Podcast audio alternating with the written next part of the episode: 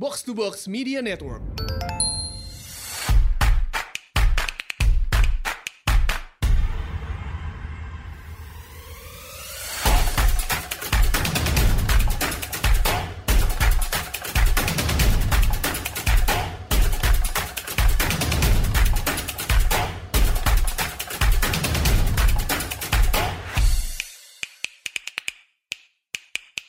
Selamat datang di Asumsi Bersuara. Kali ini edisi spesial. Eh, di tengah minggu kita adain lagi karena emang em, perlu lah kita bikin ini karena kan lagi banjir gila-gilaan. Ada yang perlu banget untuk kita bahas soal ini dari sisi lain tapi kita undang Andita Verseli Utami, Afu Tami ini. Back by popular demand. Thank you for, for coming back Thank you juga udah diajakin lagi. Yes.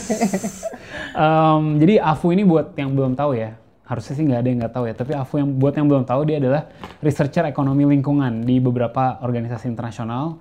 Pernah juga bikin paper tentang gimana Indonesia bisa menurunkan emisi gitu. Mungkin orang bingung kan, ini kita mau ngomongin banjir, kenapa malah eh, undangnya Afu gitu? Kenapa malah undangnya, eh, kenapa malah bahasnya soal climate change gitu?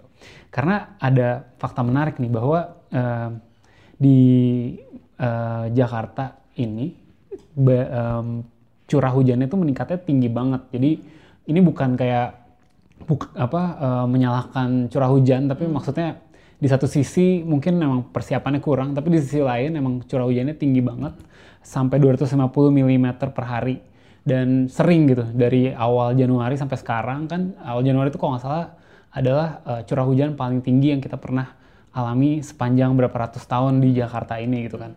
Jadi uh, back to the question ini apakah ada pengaruh dari uh, climate change juga gitu. Terus um, sebelum uh, ke sebelum bertanya ya ada laporan dari IPCC ya Interna- Intergovernmental Panel on Climate Change tahun lalu tentang Indonesia specifically menyoroti kayak kenaikan muka air laut dan banyak berpengaruh ke daerah-daerah pesisir gitu pinggir-pinggir pantai. Nah, Fu, sebenarnya ini balik ke premis awal tentang banjir.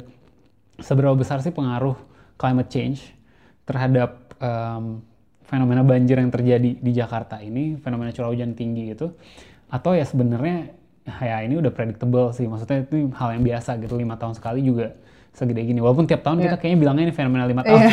Tapi maksud gue eh, seberapa sih eh, pengaruhnya em, perubahan iklim nih? Boleh. Sip. Eh, mungkin gue mulai dari pertanyaan yang paling basicnya dulu, yang kayaknya ada yang nanya juga di Twitter, yaitu apa sih climate change atau perubahan iklim itu sendiri.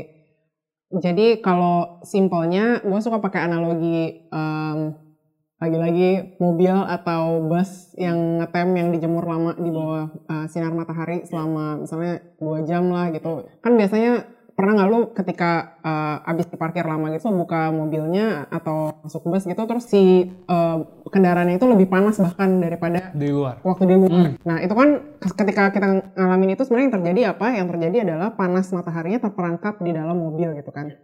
Terperangkap di dalam mobil. Nah jadi apa yang ketika kita bahas tentang climate change atau sebenarnya global warming yang lebih eh, apa ya yang lebih sesuai menurut gua pemanasan global itu intinya bumi mengalami keadaan yang sama gitu di mana eh, gas-gas yang kita keluarkan, nah disebutnya sebagai gas rumah kaca karena ini efeknya seperti efek rumah kaca tadi.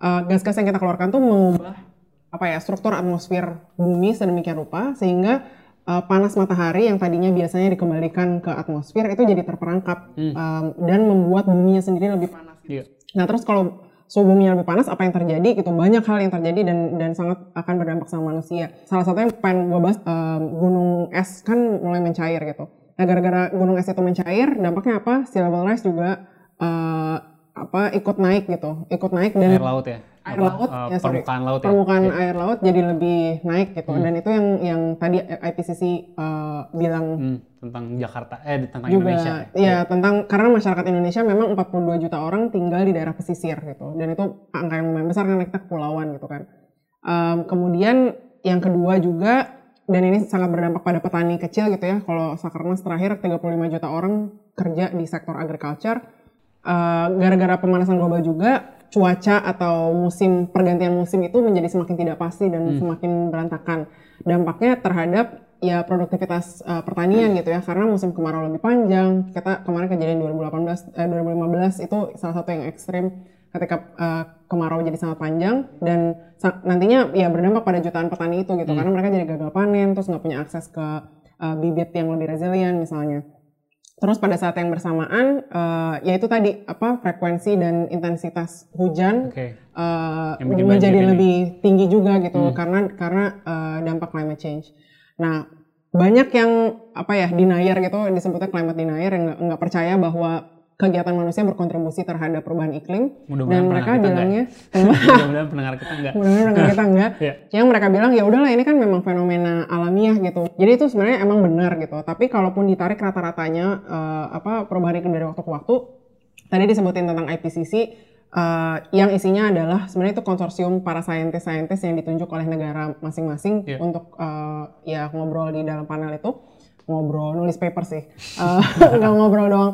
Em, nah eh, lebih dari apa 97% dari saintis itu sudah berkonsensus bahwa memang kegiatan eh, antropogenik itu kegiatan manusia berkontribusi terhadap climate change gitu. Jadi memang secara saintifik eh, disebutkan bahwa kena- kenaikan suhu ini eh, diakibatkan eh, perilaku manusia. Hmm.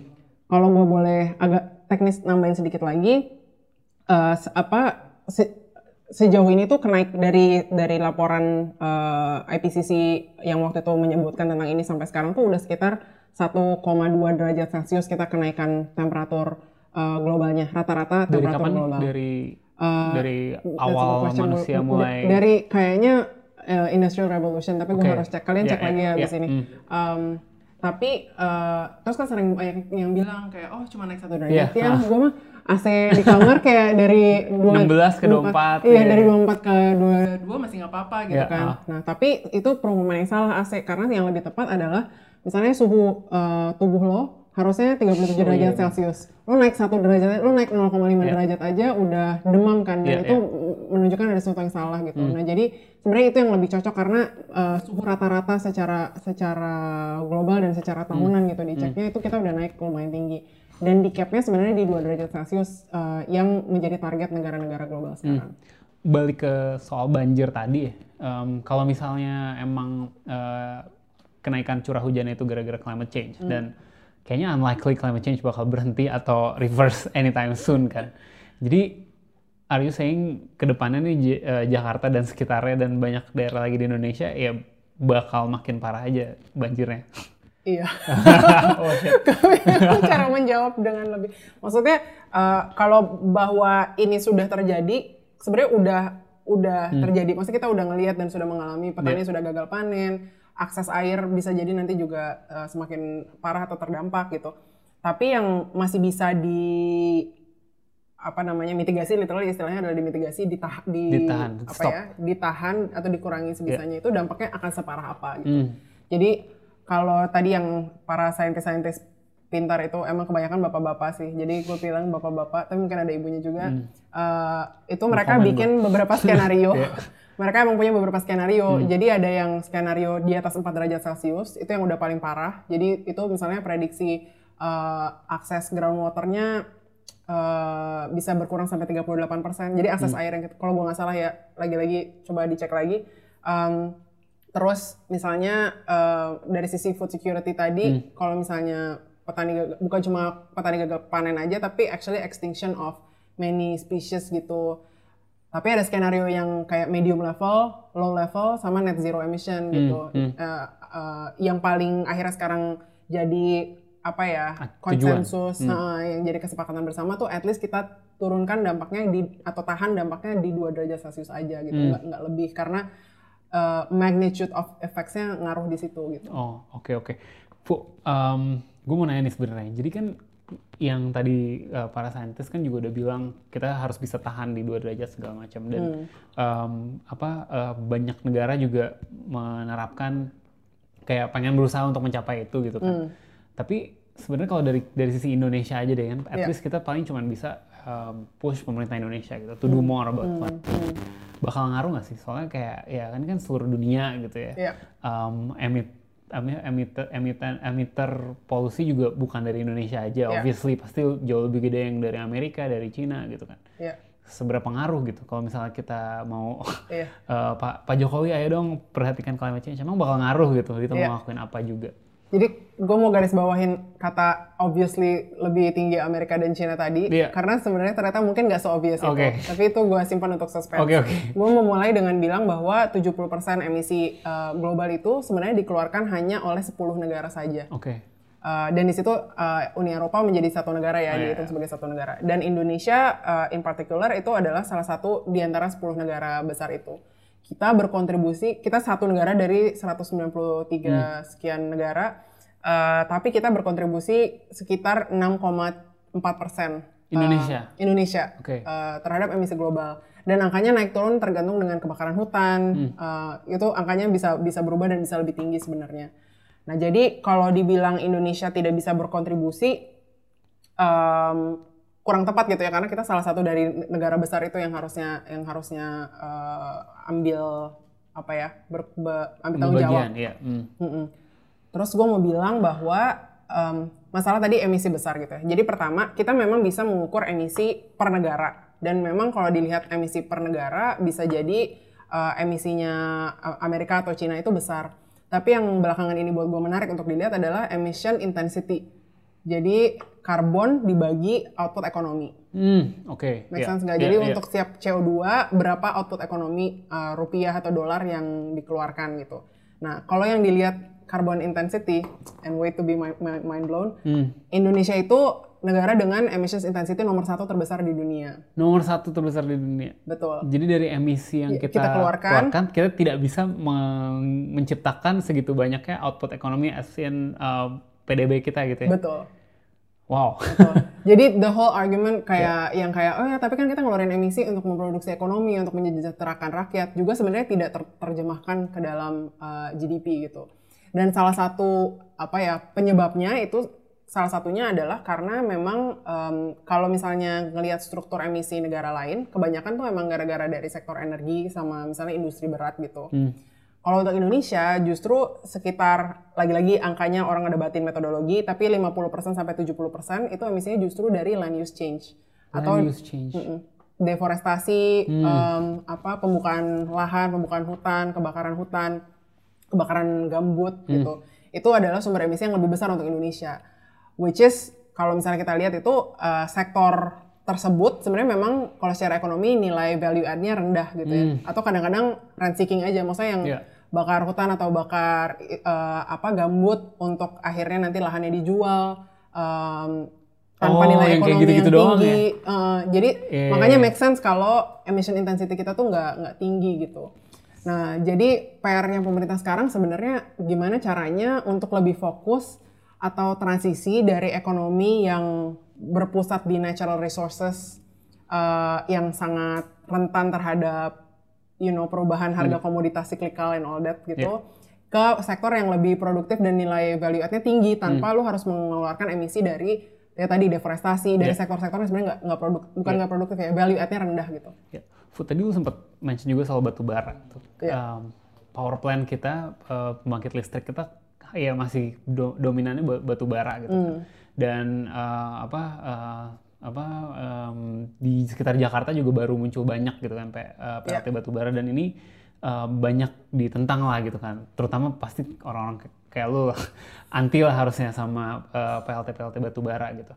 Dan mendukung yang kayak lebih sustainable gitu. Misalnya kayak uh, tenaga air tenaga um, solar gitu Iya. kan matahari um, dan segala macam. Tapi itu kan kurang efisien ya. Maksudnya kayak pe- pembangkit listrik tenaga solar tuh lu butuh space yang gede banget. Terus juga kalau alatnya rusak itu juga bakal butuh tempat yang gede banget buat ngebuangnya segala macam. Dan nggak segitu besar juga um, listrik yang dihasilkan gitu atau angin. Uh, banyak juga yang yang bilang kalau the only sustainable energy yang efisien tuh nuklir kan sebenarnya kan. Jadi kayak nuklir tuh nggak butuh tempat gitu banyak, lu bisa hasilin energi yang gede dan waste-nya juga sebenarnya udah udah ada banyak uh, proper methods untuk nge-dispose gitu kan.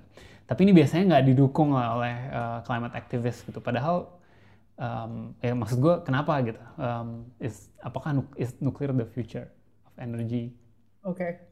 Kayaknya lu bawa agenda pribadi ke dalam pertanyaan ini. Enggak, enggak ada agenda pribadi, maksudnya gue punya PLT nuklir kali. Lu punya PLT nuklir. ya? Eh, mungkin gue mau bahas batu baranya dulu, Dulu, dikit iya, sebelum iya. masuk Iya. ke yang alternatif tadi. Um, yang terkait dengan batu bara ini. Jadi memang secara umum tuh persepsi masyarakat bahwa batu bara harga adalah opsi yang harganya masih paling murah Yeah. dibandingkan dengan pembangkit listrik sumber lain gitu. Yeah. Um, dan namun kalau jadi kalau di ilmu ekonomi kita bahas nggak ya di podcast yang satu lagi mungkin enggak? Hmm, mungkin nggak kayaknya. Iya, ada teori eh, ada teori eksternalitas disebutnya istilahnya. Jadi eh, itu adalah suatu bentuk kegagalan pasar di mana harga yang diset sama pasar dalam kasus ini harga batubara yang murah Iya. sebenarnya tidak merepresentasikan dampak eksternalitas negatif yang ha- harusnya dikasih price tag juga, harusnya Iya. dihargain juga dampak dampak negatif itu gitu. Jadi bahwa batubara bisa jadi adalah sesuatu yang saat ini dianggap murah em, itu tidak eh, bisa jadi itu sebenarnya harga yang mahal, tapi harga yang mahal itu di bear oleh orang-orang lain. Hmm, di luar Di- dari yang ikut dalam di luar yang bertransaksi, bertransaksi, di iya. pasar gitu, di Iya. pasar batubara. Dan dalam hal ini emang sudah ada laporannya eh, yang membahas tentang eh, health cost dari batubara gitu ya. Di laporan itu di eh, sorry banget gue lupa angka angka kerugiannya berapa, tapi yang paling menarik untuk di highlight adalah bahwa kalau eh, di di masalah batubara ini sebenarnya dampak kesehatannya dari polusi udara untuk orang-orang yang tinggal di sekitar PLTU itu lebih biasanya yang tinggal di sekitar PLTU memang orang-orang yang eh, menengah ke bawah eh, atau rentan gitu Eh, rentan atau miskin. Nah jadi eh, kelompok kelas yang rentan atau miskin itu udah mah biasanya tinggal di sekitar PLTU, mereka juga eh, apa biaya kesehatan yang mereka keluarkan itu jauh Lebih lebih banyak. tinggi dari pendapatan mereka. Jadi misalnya kalau lu sakit, pertama lu pasti punya insurance, punya insurance nggak? Punya insurance. Um, jadi mungkin Iya. lu nggak ngeluarin out of pocket cost yang tinggi gitu. Tapi ketika masyarakat rentan dan miskin ini sakit gara-gara uh, apa ya PLTU tadi, persentasi dari pendapatan mereka yang harus dikeluarkan itu jauh lebih tinggi. Jadi itu Ini juga kenapa ada masalah BPJS inequality. ini Kenapa? defisit ya BPJS. Oh Oke, iya, itu eh, itu masalah lain. Oke, lanjut. Nah, iya tuh, itu Ah, iya. another another externalities kan Ah, berarti iya, iya. biaya BPJS yang dikeluarkan pemerintah adalah biaya yang pemerintah nggak sadar ketika milih coal sebagai Ya, betul, betul. Misalnya. Betul, betul, betul. Um, terus belum lagi kalau di Indonesia sebenarnya to some extent coal ini tersubsidi karena Hmm. ada kebijakan uh, DMO ini domestic market obligation. Eh, iya, itu boleh dijelasin dulu nggak tuh? Apa Boleh. tuh do- domestic market obligation? Iya, jadi ada peraturan yang intinya menjatahi menjatahi produksi batubara uh, domestik kita bahwa sekian persen kalau nggak salah 25 persen itu harus disediakan untuk pembeli domestik gitu. Jadi in a way har- harga jadi dikontrol. Hmm. Jadi lebih murah. Iya, harga jadi di ya Dikasih dikasih dikasih harga tertinggi. harga iya in a way ha- harganya stabil lah kalau nggak lebih tinggi tapi harganya di set kan berarti Iya. di set sama pemerintah which is berarti inefisien juga Em, itu jadi kalau kita ilangin nih misalnya em, DMO-nya terus kita ukur eksternalitasnya bisa jadi batu bara sebenarnya adalah opsi yang, Bukan yang- sangat mahal Iya. gitu Hmm. untuk Indonesia belum lagi apa eh, cadangan batu baranya sendiri yang Hmm. nanti akan menipis dan itu dampaknya kayak gimana segala macam. Nah pertanyaan kedua lo tentang eh, efisiensi dari opsi-opsi yang lainnya Iya. ini Hmm. gitu. Nah eh, pertama itu ya ketika ngomongin ef- efisiensi kita harus memasukkan angka eksternalitas yang besarnya tadi Iya. dulu gitu. Iya. Karena kalaupun misalnya lebih mahal eh, apa yang cost efektif gitu kan lebih mahalnya selebih mahal apa sehingga dia tetap mengunder eh, dia mengcompensate Iya. cost eksternalitas tadi. Uh, nah, terus untuk bagian opsinya apa? Sebenarnya gue harus kasih disclaimer dulu bahwa gue bukan engineer dan gue nggak tahu beneran kayak rate of efficiency Iya, dari iya, semua uh, opsi apa. Uh, tapi my sense adalah kalau untuk nuklir dari sisi public policy itu bisa jadi agak susah untuk di endorse sebagai kebijakan karena um, itu tuh kayak tipe yang mungkin kayak banyak orang yang di uh, pertama teknologinya gue nggak tahu ya Indonesia bisa acquire atau enggak dan bisa ini atau enggak that's another thing tapi kayaknya secara publik pun karena beberapa kejadian Chernobyl. Chernobyl Iya. dan uh, apa Jepang Fukushima ya. Fukushima um, itu jadi kebayang membayangkan si Resikonya. satu outlier itu gitu Uh, satu outlier kejadian itu jadi kayak the idea of enjoying clean energy for a long time apakah itu terkompensate sama kemungkinan bencana yang Iya, sangat iya. besar di akhir gitu mungkin itu terus antara uh, solar sama yang lain-lain kayaknya sekarang sih kalau pemerintah lagi tertariknya sama geothermal Hmm. Panas bumi ya? panas bumi Iya. karena itu yang dianggap uh, apa potensi Indonesia secara unik uh, dibanding negara lain besar karena kita di ring of fire um, dan saat ini kalau untuk geothermal sepemahaman gue memang uh, apa ta- tantangannya lebih ke risk dari eksplorasinya maksudnya kan sekarang ada cost di depan dulu nih untuk eksplorasi um, awal geothermal tapi kalau ada regulasi yang bisa mendukung eksplorasi itu mungkin bisa. Oh jadi bisa jadi mahal di depan gitu ya maksudnya si. Uh, jadi untuk investor masuk um, kan ada risk awal untuk uh, untuk develop geothermal ini gitu. Nah jadi gimana caranya pemerintah mungkin subsidize hmm. yang risk di awal itu atau risk sharingnya agak lebih diperjelas gitu hmm. supaya uh, investor nggak takut masuk. Tapi opsi yang keduanya sebenarnya mungkin solar ya karena harga harga uh, teknologinya sudah semakin turun dari dari dalam 10 tahun uh, ke belakang gitu. Jadi bukan nggak mungkin um, sebenarnya udah cost efektif at this stage. Dan yang kedua yang menurut gua jadi menarik ada hitung-hitungan bahwa kayak di Southeast Asia sendiri kalau solar masuk tuh bisa menciptakan ratusan ribu pekerjaan. Karena dia lumayan labor intensif untuk maintenance solarnya hmm. dan untuk uh, pemasangan. Di satu sisi labor intensif tapi di sisi lain jadi nggak efisien dong.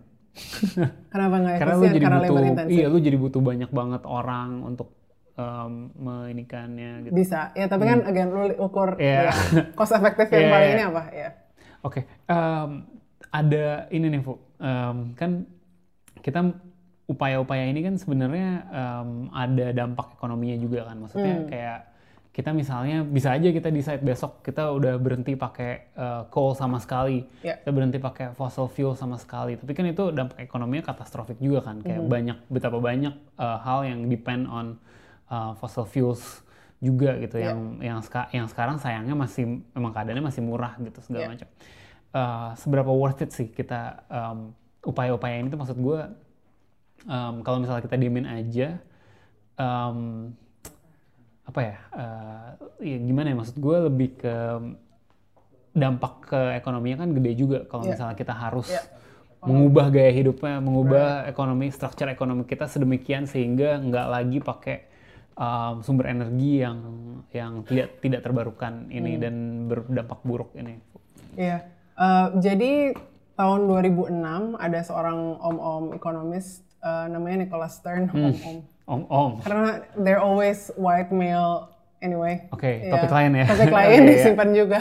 Yeah. Um, tapi uh, Nicholas Stern waktu itu uh, di hire I guess oleh pemerintah UK untuk exactly ngejawab pertanyaan lo itu. Hmm. Sebenarnya kalau kita nih mulai dari sekarang stop atau mengubah uh, sistem ekonomi kita switch yeah. ke yang lebih low carbon yeah. itu sebenarnya um, berdampak seperti apa terhadap ekonomi gitu.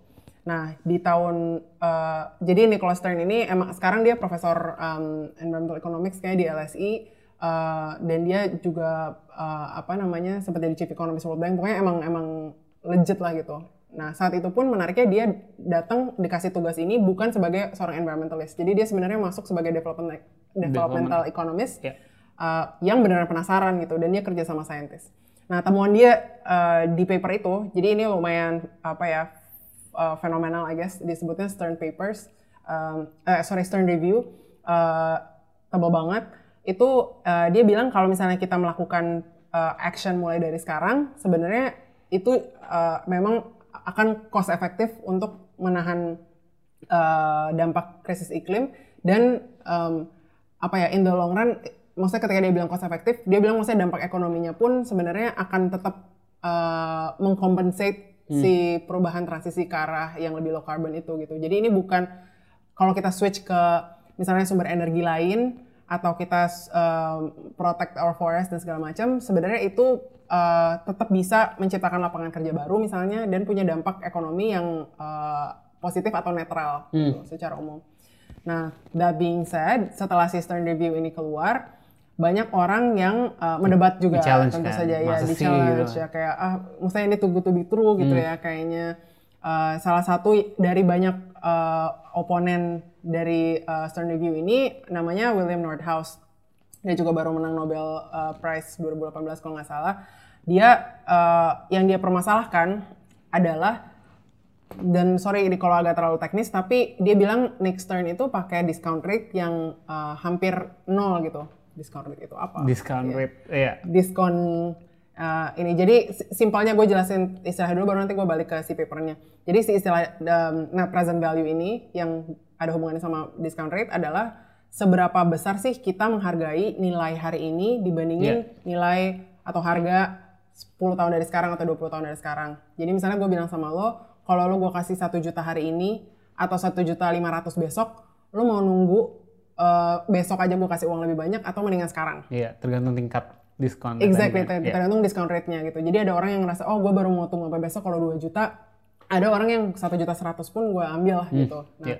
nah discount rate eh, terhadap dimensi waktu itu yang suka jadi perdebatan eh, ekonomis gitu. Nah jadi kalau si eh, Nicholas Stern ini dia kurang lebih menghitung dampak ekonomi eh, atau dampak eh, kerusakan krisis yang eh, ling- kerusakan lingkungan di masa, masa depan, depan. itu sebagai sama besarnya sama kalau kita alami hari ini gitu Ah, iya. um, make sense ya. Nah, jadi si Nordhaus bilang ya nggak bisa kayak gitu dong karena pasti orang kita secara dengan segala kemageran kita akan lebih menghargai having something today and letting go of that tomorrow gitu. Mungkin Yeah. gue kayak besok ya gue nggak apa-apa lah besok kebanjiran dikit asal gue sekarang bisa tetap naik mobil gue gitu. Iya, misalnya. iya, itu kan Gitu maksudnya. people have Iya. different ini. Nah, the other thing adalah dari sisi moral, tadi kan secara ekonomi. Dari sisi moral, si discount rate ini juga ada masalah uh, intergenerational justice sebenarnya. Karena kan sebenarnya yang punya discount rate lebih tinggi adalah mereka yang Masih kecil. uh, bukan dong, yang punya discount rate lebih tinggi adalah mereka yang nggak terlalu mikirin masa Oh, depan. iya benar. Kayak harus mahal banget kosnya di masa depan, Iya, baru iya, mereka iya. mau nggak mager hari Iya, ini betul. gitu. Uh, jadi kalau kalau siapa yang harusnya nge-decide discount rate ini gitu kan? Apakah orang-orang tua yang mungkin nggak punya stake in the future atau Greta mati. Thunberg yang Greta Thunberg. Greta Iya, Thunberg oke, yang oke. bahkan ya maksudnya yang yang iya. have bigger stake gitu. Nah jadi perdebatannya sebenarnya ada di situ. Jadi kalau tadi balik ke pertanyaan lo sebenarnya ini uh, cost efektif nggak sih kalau kita berhenti worth, worth it nggak sih, sih? Sorry. menghilangkan gaya hidup kita yang sekarang begitu Ah, nikmatnya exactly. gitu kan? Jawabannya adalah classical economist answer which is it depends. It depends.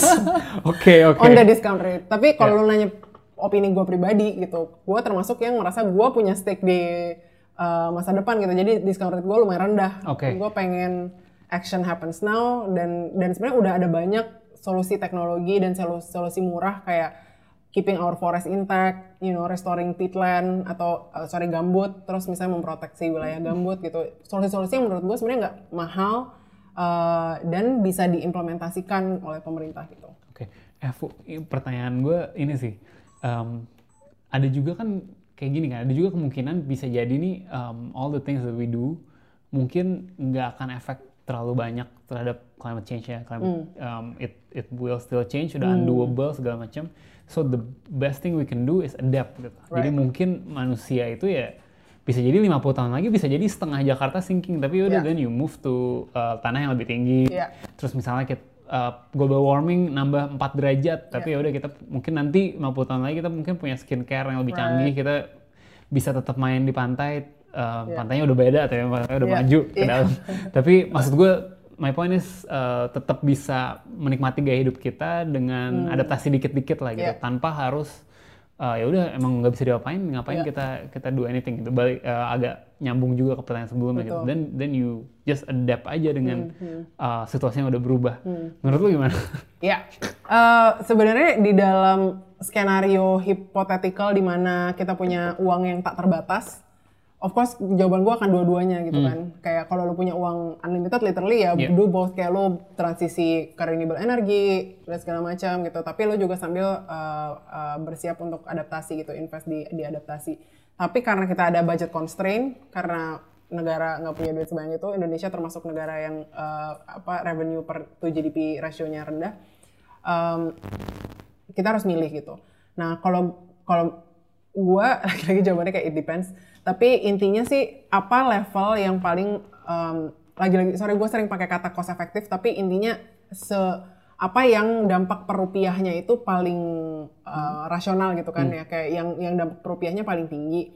Uh, jadi kalau lo punya uang 100 juta berapa dari 100 juta itu yang harus buat mitigasi karena itu penting juga untuk lo menurunkan dampak berapa yang harus lo spend untuk adaptasi nantinya kan. Iya, Maksudnya iya, itu kan iya. kayak berhubungan gitu. Iya, Lo spend more di miti- mitigasi berarti lo spend less di adaptasi di masa depan. Hmm.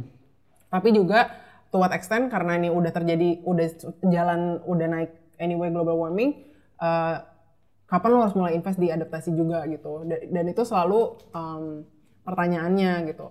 Kalau gue sih ngeliatnya simpelnya um, pertama secara solusi banyak solusi-solusi yang sebenarnya nggak ngeluarin cost pemerintah juga, tapi sebenarnya lebih butuh regulasi aja dan implementasi regulasi. Jadi untuk eh, apa yang sifatnya mitigasi gitu, sebenarnya banyak yang solusinya adalah regulasi gitu. Jadi bisa jadi Um, tapi of course lo harus ngitung juga dampak kayak cost Regulasinya dari terhadap regulasinya outputnya terhadap kan. output Iya. gitu. Nah tapi untuk pemerintah daerah khususnya eh, adaptasi yang penting itu adalah terkait tata ruang kota misalnya gitu. Bagaimana lu mulai mendesain kota yang udah mengekspek bahwa banjir atau sea level rise bakal Hmm, meningkat nah dalam balik lagi ke 50 banjir, 100 iya. tahun ke depan Iya. gitu. Karena kalau lu masih membangun infrastruktur dengan asumsi bahwa asumsi Ah. bahwa dengan asumsi bahwa climate change tidak akan terjadi kan berarti lu spending money on kayak rumah lu udah kebakaran tapi lu spending money on beli apa baru gitu ya, Iya. beli lukisan baru gitu somehow instead of beli cat yang lebih tahan, Tahan api. api, ya. Um, jadi dan menurut gue ini andil Pemda karena ngaruh ke zonasi, ngaruh ke ya bentuk infrastruktur yang lo bangun, terus uh, bangunan tahan uh, banjir I guess yang lebih bisa diatur itu emang ada di Pemda. Jadi mungkin kalau gue boleh saran secara umum tuh mungkin Pemda-Pemda yang bisa lebih fokus ke uh, respon yang sifatnya adaptasi, ya terutama urban, mungkin gue agak urban sentris ya. Uh, sedangkan pemerintah nasional mungkin bisa fokus ke yang mitigasi.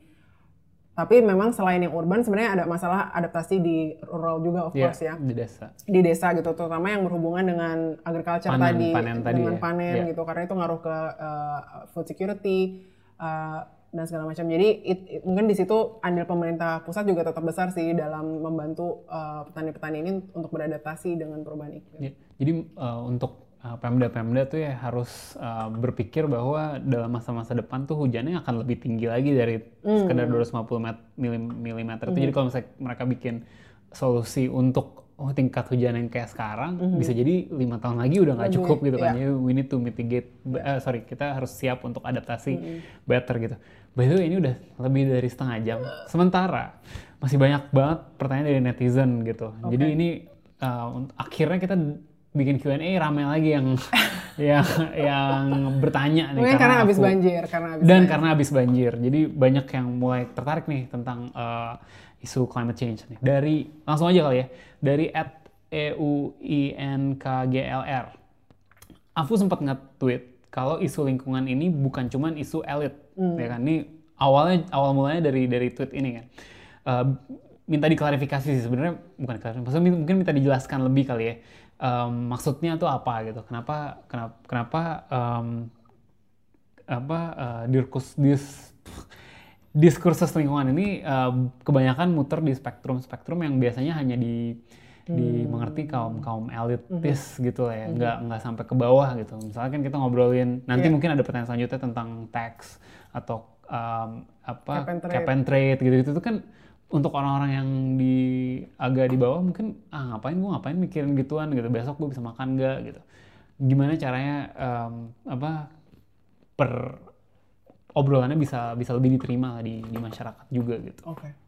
Jadi untuk menjawab pertanyaan itu kita harus bahas tentang kapitalisme. oh yes oke gimana gimana Dan specifically kayak means of production dan siapa the kaum means of mana production, yang ya. yes, kaum mana yang menguasai Oke. means of production enggak. Uh, um, pertama gue klarifikasi dulu ketika gue nge-tweet bahwa ini sebenarnya bukan isu elit. Sebenarnya maksud gue bukan bahwa apa ya karena ada beberapa yang salah paham. Maksud gue bukan bahwa ini salahnya kelas rentan atau kelas miskin makanya kelas rentan dan miskin harus ikut mikirin. Hmm. Tapi bahwa ketika kelas yang mana pun itu mengangkat tentang isu ini gitu, sering kali kita suka di-accuse kayak ah kalau ngomongnya lingkungan sih lu nggak peduli ya sama teman-teman rentan miskin kita yang masih lapar atau masih butuh BPJS gitu ngapain lu malah ngomongin climate change bukan BPJS misalnya gitu. Iya. Padahal sebenarnya maksud gue adalah ini ini climate change ini adalah sesuatu yang ber- berdampak ke semua orang pertama, tapi lebih secara disproportionate akan lebih berdampak sama orang yang rentan dan miskin memang karena mereka less likely untuk uh, bounce back gitu. Kalau misalnya mereka terdampak, mereka nggak punya support system atau apa ya uh, social protection yang membantu mereka untuk tetap uh, bertahan. Kayak misalnya simpelnya kalau rumah lu kebanjiran, rumah lu banjir nggak? untungnya enggak Hmm, thank you Pak Anies Iya.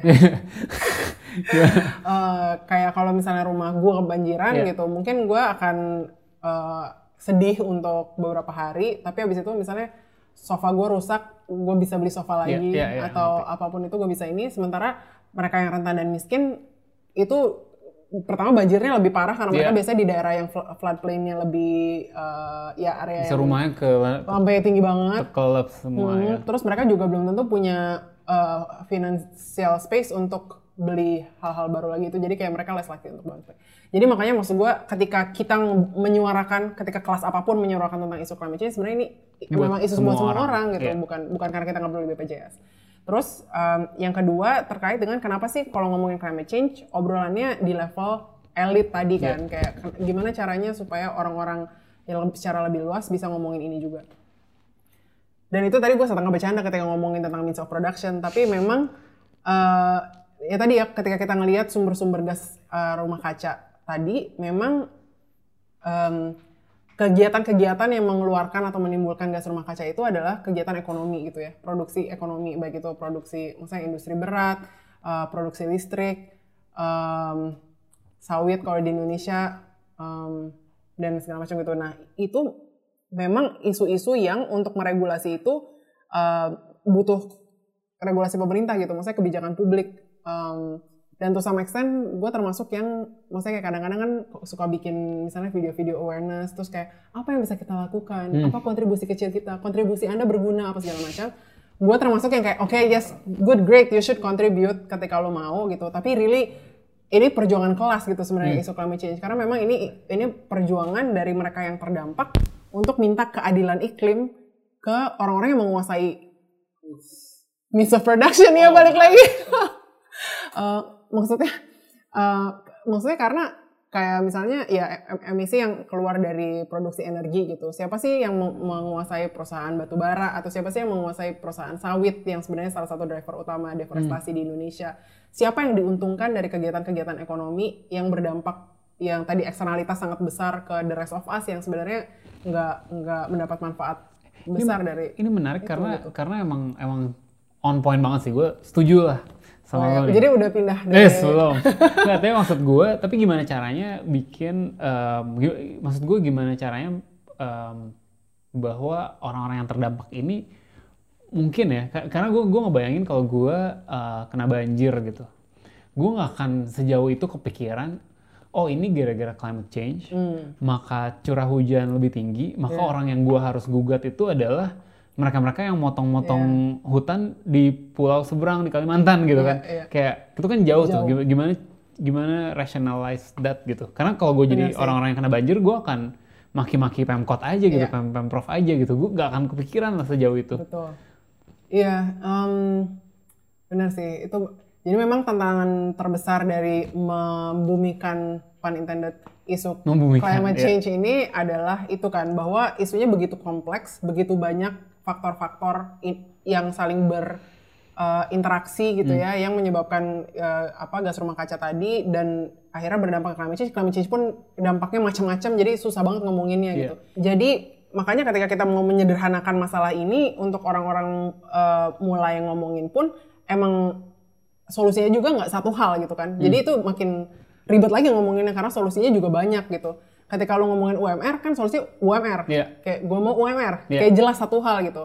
Tapi kalau lo ngomongin krisis iklim, solusinya ya lo harus protek hutan, harus menghentikan kebakaran hutan, lo harus transisi ke energi terbarukan. Jadi kayak Semuanya solusi- ya? Iya, solusinya banyak banget dan bingung apa yang mau di- mau didukung gitu kan? Heeh, mulai dari mana bingung banget kan gitu. Ya jujur gue juga sebenarnya masih ya sangat open tuh jawaban dari teman-teman pendengar sekalian tentang Hmm, bagaimana yes. mengkomunikasikan ini sebagai satu hal utuh. Tapi kalau yang gue lihat dan memang ini nggak ada shortcutnya, simpelnya adalah ya emang mau nggak mau we have to educate ourselves gitu. Kayak memang ini isu yang kompleks, tapi semakin kita karena kompleks kita tidak mau uh, engage di space ini, semakin pula para orang-orang yang pemilik modal yang mendrive emisi untuk tinggi ini ya semakin mereka mel- melanjutkan apa yang mereka lakukan gitu kan. Iya. Kalau gue pribadi merasanya memang kita perlu pemimpin politik mau nggak mau yang mungkin bisa run on this platform gitu. Tapi kalau lo tarik ke belakang untuk seorang calon pemimpin politik peduli at all untuk terhadap isu ini dan run on this platform, masyarakatnya harus peduli dulu Iya gitu benar. kan. Ah. Jadi Ini kayak mulai dari mana? Iya. kayak mulai dari nonton asumsi bersuara bareng Oh, aku. wes. Itu dia. Iya iya iya. gitu sih. Jadi Iya. emang ya Oke, eh Fu, uh, tadi lu sempat nyebut juga soal carbon tax atau cap and trade gitu kan. Um, ini ada pertanyaan dari Ed Farhan Fevrier.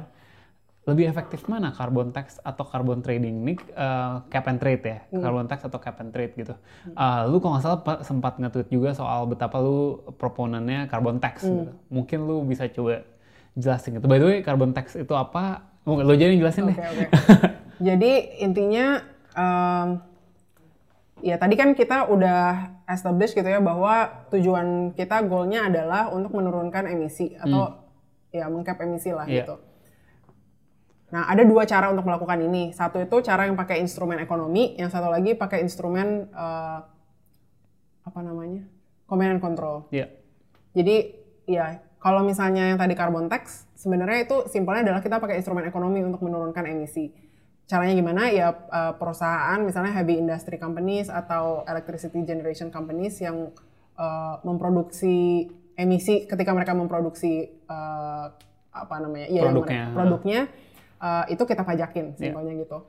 Kalau yang satu lagi command and control em- emang mekanismenya itu apa kontrol terpusat gitu ya di mana negara memberi jatah misalnya setiap perusahaan dikasih jatah lu boleh ngeluarin eh, Berapa ton? Ya, misalnya 500 ton, ya ini 500 ton, 500 ton, semua 500 ton.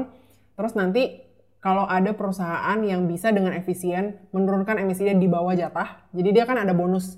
eh, jadi dia dikasih jatah 500 cuma dia pakai 400 misalnya. Nah, 100-nya itu bisa dia jual ke perusahaan yang less efficient dan nggak bisa eh, punya misalnya nggak bisa upgrade eh, mesin dia supaya dia bisa nurunin emisi sesuai dengan cap. Hmm. Jadi itu perdagangan di antara perusahaannya sendiri.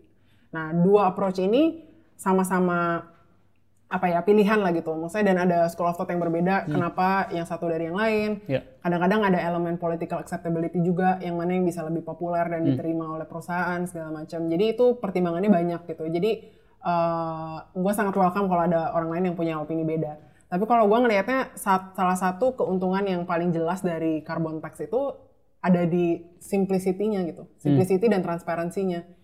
Karena Pokoknya benar-benar kena segini gitu. Heeh, karena benar-benar simple lu naruh rate eh, terhadap misalnya per ton karbon gitu lu, lu kasih harga sekian sehingga tiap perusahaan bisa langsung ukur kalau misalnya gua bisa invest di teknologi yang lebih eh, teknologi yang mahal tapi bisa menurunkan emisi berarti gua bakal return eh, apa sih istilahnya ya kayak bakal balik modal Iya. setelah berapa lama misalnya gitu kan jadi itu lebih transparan dan pemerintah juga bisa mengadjust harga tax itu dengan uh, sesuai dengan kayak uh, I guess target emisinya itu berapa gitu. Jadi kalau misalnya targetnya nggak kecapai ya tinggal tingkat pajaknya dinaik turunin. Dinaik Tapi turunin. sementara kalau cap and trade itu dia dari awal udah set, oke gue cuma mau terima, gue cuma mau ada uh, polusi sebesar sekian ton Betul. di Indonesia tahun ini, silahkan lu atur sendiri gitu kan. Ya, tantangan lainnya juga adalah enforcement gitu. Jadi yang mana yang lebih mudah di enforce kadang-kadang tiap negara beda gitu kan. Karena kayak lu butuh survei apa sih namanya? Ya kayak evaluasi Iya. um,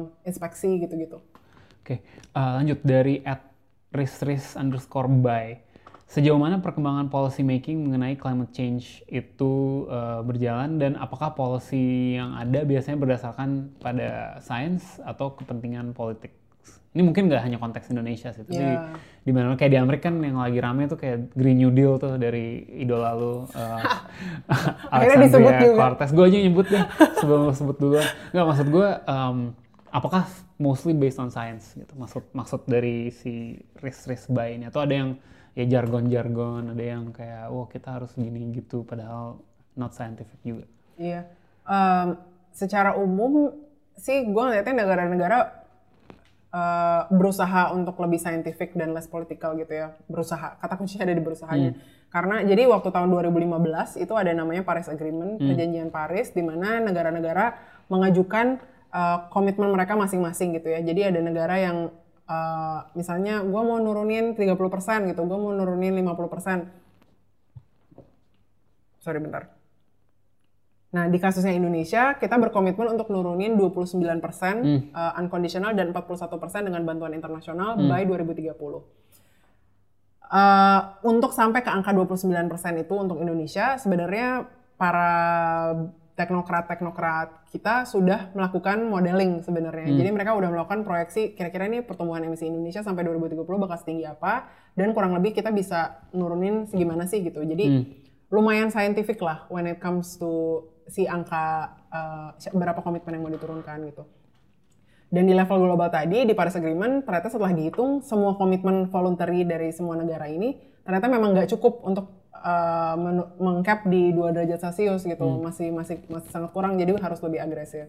Nah jadi itu sama extent kan proses bahwa oh itu ternyata nggak cukup dan harus lebih agresif itu kan proses saintifik ya gitu. Jadi kayak lumayan ada effort ke arah sana. Hmm. Tapi menurut gue yang jadi tricky it adalah penurunannya nih dari target yang mungkin tadi saintifik targetnya ke regulasi-regulasi benerannya di lapangan gitu. Maksudnya lu punya target penurunan emisi sekian, tapi apa yang lu lakukan untuk memproteksi uh, hutan misalnya kalau di Indonesia atau untuk mencapai target energi terbarukan. Nah, lagi-lagi kalau secara target atau secara kebijakan Indonesia sudah bagus banget gitu. Jadi pertama Indonesia punya apa yang disebut dengan moratorium uh, untuk hutan primer dan gambut. Jadi sebenarnya dimulai di era SBY dan dilanjutkan uh, di era Jokowi uh, pemerintah sudah menstop mengeluarkan izin baru di wilayah hutan primer itu artinya hutan yang masih lebat dan gambut gitu. Hmm. Jadi udah ada ke arah sana. Meskipun ya itu tadi, jadi Indonesia biasanya kebijakannya bagus tapi enforcementnya perlu di uh, ya di ini karena karena misalnya masih ada di beberapa wilayah moratorium kebakaran kemarin waktu kebakaran hutan yeah. dan segala macam. Terus dari sisi energi misalnya Indonesia juga punya target uh, energy mix renewable energy uh, 23 atau 25 persen by 2025 uh, yang itu lima tahun lagi kan hmm. gitu. Tapi jadi itu goal. Secara goal kayak bagus banget. Goalnya kayak bagus, kita punya tujuannya goal, bagus, gitu. targetnya bagus. Uh, tapi secara kenyataan pertumbuhan energi um, fossil base di Indonesia selama lima tahun ke belakang itu empat kali lipat lebih cepat daripada pertumbuhan renewable energi. Hmm. Jadi kita punya target jadi kita punya target ningkatin energy mix yang dari renewable energy, tapi pada kenyataannya kita bangun PLTU lebih banyak dari Dan yang tadi disubsidi tadi uh, eh, DMO ya, itu tadi dan kan? batu bara masih disubsidi gitu. Yeah. Dan ada banyak constraints untuk solar power juga. Nah jadi kesinambungan antara goal yang sangat indah dan komitmen yang digaungkan di internasional ini dengan regulasi domestik yang sebenarnya apa ya, yang kenyataannya itu seperti apa, masih ada gap. Tapi gue paham, maksudnya memang Indonesia sudah mulai melakukan beberapa hal untuk ke arah sana lah. Dan memang ya namanya kebijakan nggak bisa langsung sempurna. Yeah. Jadi memang berproses, tapi uh, I guess poin gue bahwa kita bisa melakukan lebih. Yeah. Lanjut, dari at uh, Joshua Bezalel. Um, ini gue baca, dia pertanyaan bahasa Inggris, tapi gue bacain bahasa Indonesia aja ya. Jadi, hmm. apakah ada proyek-proyek, inisiatif, atau hmm. company-company yang uh, lu lihat udah melakukan cukup untuk um, fight climate change gitu. Hmm. Kan kita selalu lihat banyak beritanya adalah company-company yang kayak polutan lah, yeah. ngebakar hutan segala macam atau atau nge ya bikin polusi lah gitu, buang limbah nggak jelas segala macam. Tapi ada nggak company-company atau proyek-proyek yang yang bagus emang emang kayak mereka udah melakukan share yang benar gitu. Yeah. Jadi pertama untuk company-company yang secara umum kita tahu kayak FMCG ya hmm. disebutnya atau segala macam itu ada yang memang sudah mulai secara voluntary uh, meng-offset emisi karbon mereka. By the way, FMCG ini buat yang nggak tahu adalah company-company yang kayak banyak jualan di Indomaret gitu lah ya, yeah. kayak shampoo, kayak yeah. sabun, yeah. minum, ya gitu-gitu. Iya. -gitu. Jadi ya uh, ada beberapa perusahaan yang udah misalnya mereka ukur emisi yang mereka keluarin untuk produksi produk mereka sekian, terus mereka bayar offset um, mereka bayar kompensasi ke sebuah perusahaan untuk restorasi pohon atau misalnya nanam pohon untuk men membayar emisi yang tadi mereka keluarin. CSR-nya? Uh, in a way CSR tapi uh, voluntary uh, mitigation lah, voluntary uh, emission mitigation hmm. jadinya. Karena nggak ada yang minta, nggak ada yang regulate, yeah. tapi mereka mau carbon neutral. Jadi itu ada beberapa yang melakukan itu. Tapi yang kedua yang gue mau mention juga ada perusahaan yang fokus ke jualan karbon. Hmm. Jualan hmm, karbon. Jualan karbon maksudnya gimana? Iya, jadi uh, kayak Rimba Raya Makmur um, itu dan Rimba Raya satu lagi gue lupa namanya. Mereka punya konsesi lahan uh, di Kalimantan di mana mereka justru uh, ngerestorasi uh, wilayah itu jadi jadi ya ditanamin pohon, dirawat secara ekosistem segala macam bekerja sama sama masyarakat lokal. Terus kan itu berarti ada carbon sequestration yang diserap oleh lahan yang mereka kelola tersebut. Nah, karbon itu mereka jual ke pasar internasional yang memang misalnya antara mereka di cap uh, carbon emissionnya atau mereka, mereka secara mereka voluntary ikutan cap and trade scheme di tempat lain gitu atau gimana? Bisa itu atau yang tadi gue sebut sebagai voluntary mechanism juga. Jadi kalau kayak perusahaan di level global hmm. ada juga yang mau nge-offset uh, emisi mereka, terus dia beli dari rimba raya ini misalnya. Hmm. Gitu. Jadi kita bisa mengekspor karbon in a way gitu. Nah ini juga salah satu yang menurut gue bisa lebih banyak like kalau misalnya kita lebih banyak uh, lihat sektor ini bukan hanya kita bisa ekspor sawit, tapi sebenarnya kita bisa juga ekspor uh, karbon gitu in a way. Lucu juga ya, jadi kayak ini deh nggak maksud gue nggak ada produk apa-apa yang diekspor gitu kan sebenarnya kayak Iya, dia, exactly nggak ada. dia dari tanah dia dia uh, apa dia tanam-tanam pohon terus Iya. habis itu dia dia dia bisa bilang oke gue menyelamatkan dunia ini sekian juta ton karbon Betul. Ya. terus please bayar gue gitu Betul. and then company lain di tempat lain dia akhirnya bayar kita dan dia boleh boleh berpolusi di tempat lain Iya. oh jadi buat Indonesia lebih enak juga tuh polusi di tempat lain Iya.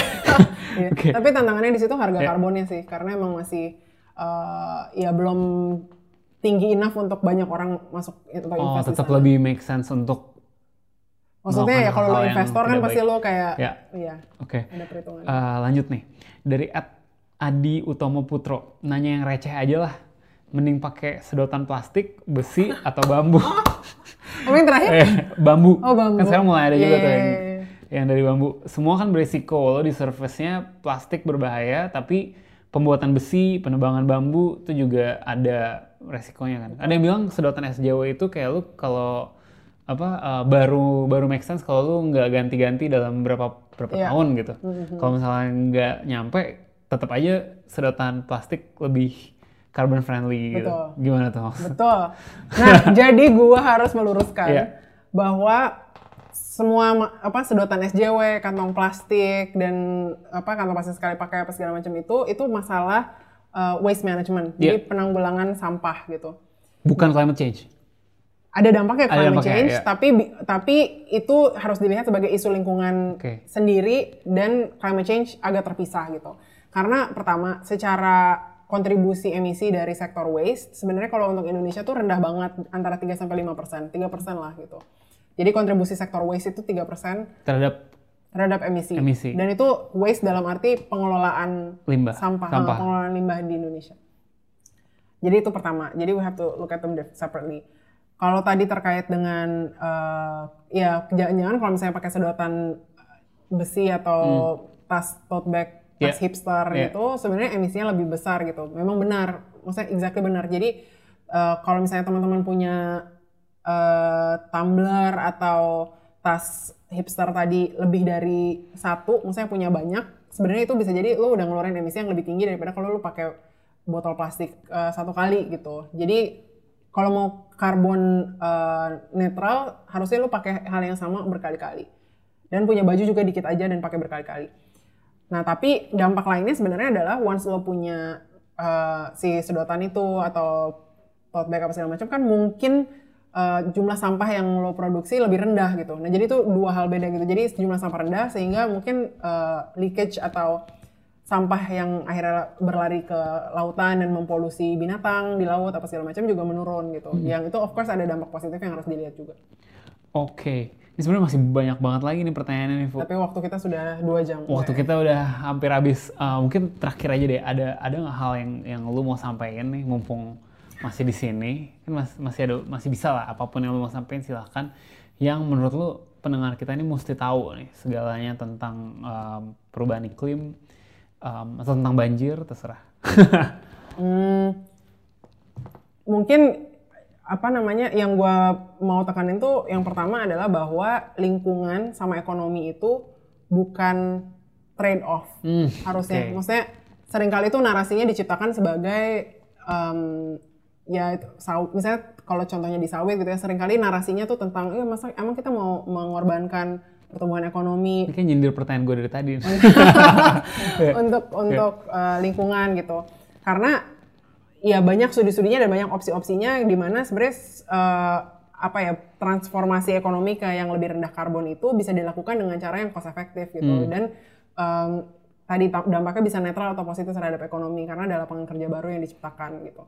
Uh, jadi itu itu pertama ya dari sisi lapangan kerja dan segala macam. Tapi secara lebih fundamental pun apa gunanya apa ya kita mengejar economic growth secara destruktif gitu ya dengan mengeksploitasi sumber daya alam yang dan menciptakan polusi ketika kitanya sendiri sebagai manusia jadi vulnerable gitu. Maksudnya ketika kitanya sendiri jadi terdampak banjir, kitanya jadi nanti food insecure karena gagal panen terus.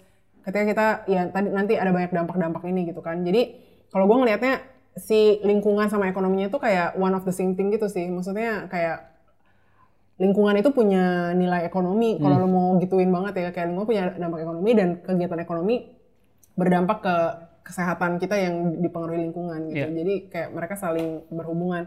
Jadi kalau ada orang yang ada orang-orang yang judulnya tuh environmental economist gitu, itu bukan oksimoron karena beneran lu butuh ekonomis-ekonomis yang mikirin dampak lingkungan terhadap ekonomi dan sebaliknya. Yang kedua, kalaupun bukan secara ekonomi, menurut gue tuh kita sebagai manusia secara spiritual dan emosional berubah. Eh, memang kita tuh secara apa ya, secara alamiah atau kayak se- secara naturalnya tuh harusnya kita memang berhub- berrelasi dengan alam gitu. Hmm. Maksudnya gue jarang banget lah ngelihat orang yang jalan-jalan ke pegunungan atau ke pantai atau ke mana pun wilayah alam yang nggak ngerasa recharge dan ngerasa apa ya kayak lu tuh karena basically lu balik ke hitah lo bahwa lu tuh binatang binatang yang harusnya berhubungan dengan alam gitu. Jadi bahwa kita sekarang manusia urban dengan segala keurbanannya dan teknologinya dan concrete buildingsnya dan naik mobilnya itu selalu merasa ada yang kurang Iya. kadang-kadang gue ngerasa apa yang kita ngerasa kurang itu adalah karena koneksi kita ter- dengan alam itu terputus gitu. Jadi um, kalaupun separah-parahnya lu nggak peduli sama krisis iklim, kayak lu nggak ngerasa bakal hidup sampai tahun 2100 atau gimana, at the very least tuh maksudnya secara spiritual lu nggak ngerasa ada value alam dan bahwa lu tuh lu tuh binatang yang bagian dari ekosistem alam ini secara keseluruhan yang kayak sombong banget kalau kita menjadi kayak homo sapiens yang exploiting everything itu padahal kita sebenarnya harusnya jadi bagian dari si ekosistem. Ya masa nggak mau mempertahankan itu supaya uh, kita masih tetap bisa ke gunung dan Iya, hidup gitu. udara segar gitu kan segala macam. Oke, Fu, thank you banget Sama-sama, for thank your you time juga kita for sejam lebih. Uh, discussion. seru banget uh, di edisi spesial ini bareng Afu. Uh, thank you banget yang udah dengerin uh, kita. Jangan lupa follow Asumsiko, follow Box to Box ID, follow at Afutami di Twitter, Instagram, dan di Frame and Sentences. Jangan lupa. Udah lama gak bikin Gak tadi. apa-apa, tapi buat yang belum dengerin, uh, buat yang belum pernah nonton harus nonton di YouTube bagus banget uh, Frame Sentences. Sampai jumpa lagi hari Selasa depan di Asumsi Bersuara berikutnya. Ciao.